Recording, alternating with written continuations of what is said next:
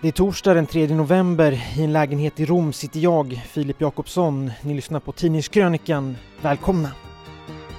Voglio vederti danzare come i dervisci turno che girano sulle spine dorsali o al suono di cavigliere del catacali jag skulle vilja börja i Frankrike idag. Det är lite av en mellandag tidningsmässigt. Utrikes är en del om valet i Israel där gammal tycks vara äldst. Den premiärminister som varit premiärminister längst, Benjamin Netanyahu, kommer nu återigen att få bilda regering i landet där han har redan varit premiärminister under 15 år. Den här gången kommer han att behöva stöd av ytterhögern. Sen har vi lite Brasilien och that's it ungefär. Därför Frankrike alltså. Sidan 12, Le Figaro. Det handlar om EU och medlemsländernas kamp för att motverka så kallade korta flygningar för att på så sätt bekämpa klimatförändringarna. Figaro tar till exempel upp Österrike som exempel. De beskattar flygningar kortare än 35 mil extra mycket. Belgien samma sak, men där gäller 50 mil och i Frankrike där finns det planer på att förbjuda flygningar som kan ersättas med en tågresa som går snabbare än två och en halv timme. Och det är väl svinbra, tänker man ju såklart först. Men en studie som Figaro hänvisar till har kommit fram till att flygningar som är kortare än 50 mil utgör en tredjedel av alla flygningar i Europa, men står bara för 6% av utsläppen från den europeiska luftfarten.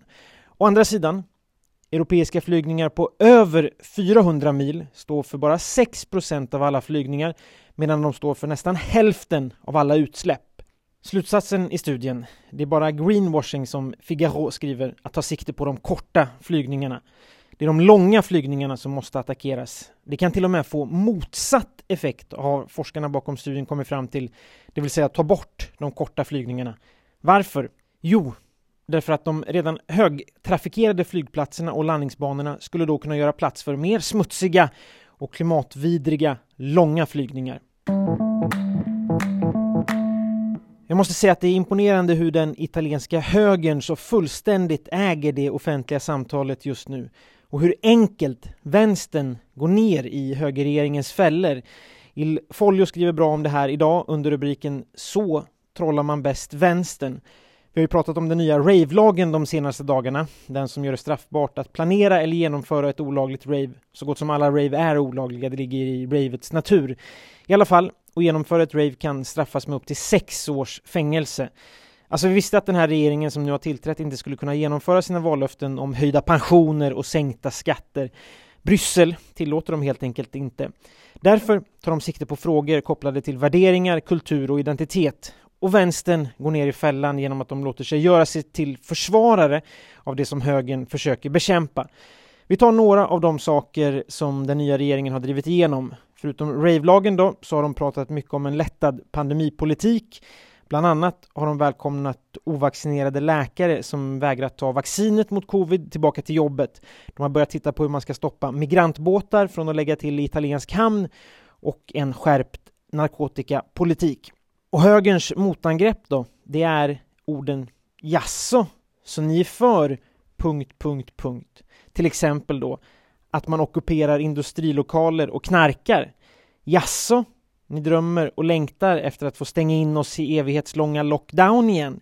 Jasså, ni är för att Big Pharma skjuter in massa okända substanser i våra barns armar. Jasså, ni är för att öka den illegala invandringen. Jasså, ni är för att människor återigen dör i en massa överdoser med en helt frisläppt narkotikapolitik.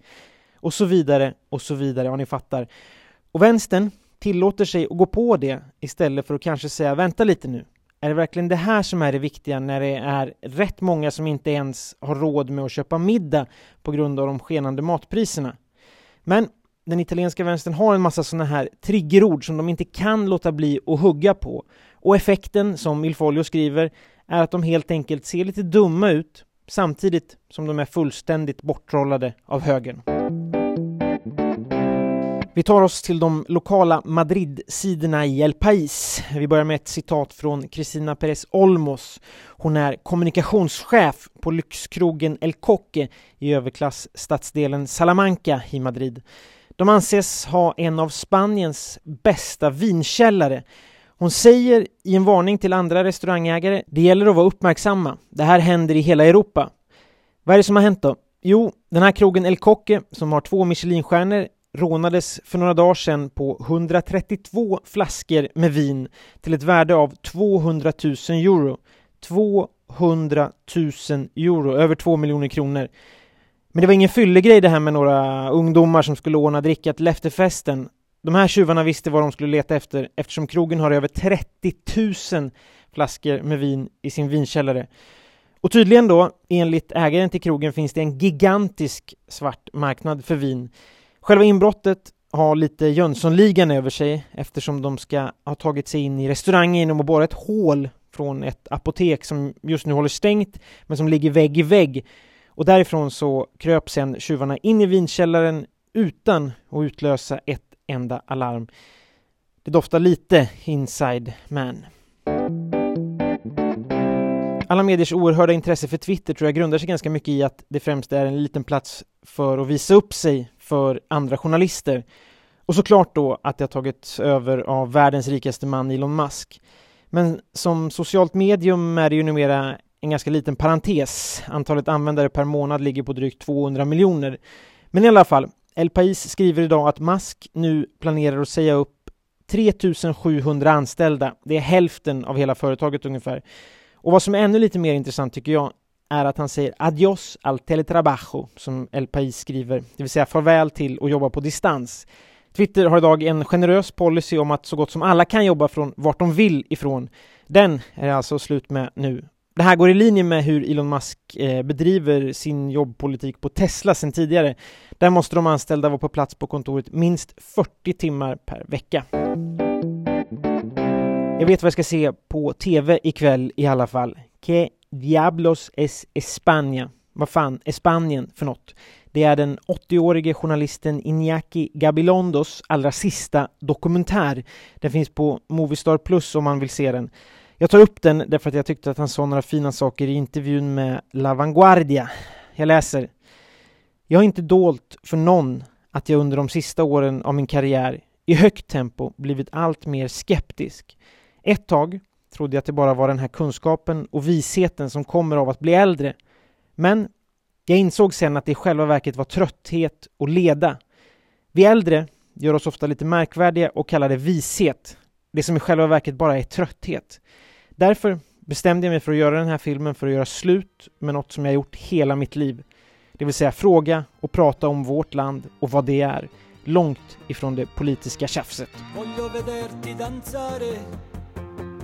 come le zingare del deserto con candelabri in testa o come le balinesi nei giorni di festa Hörni, på grund av jobb och lite annat så blir det tyvärr inget avsnitt av Tidningskrönikan imorgon eller på måndag. Så jag önskar en trevlig helg redan nu och säger på återhörande på tisdag. Tack för att ni lyssnar. Hej! come i dervisci turno che girano sulle spine dorsali al suono di cavigliere del catacà.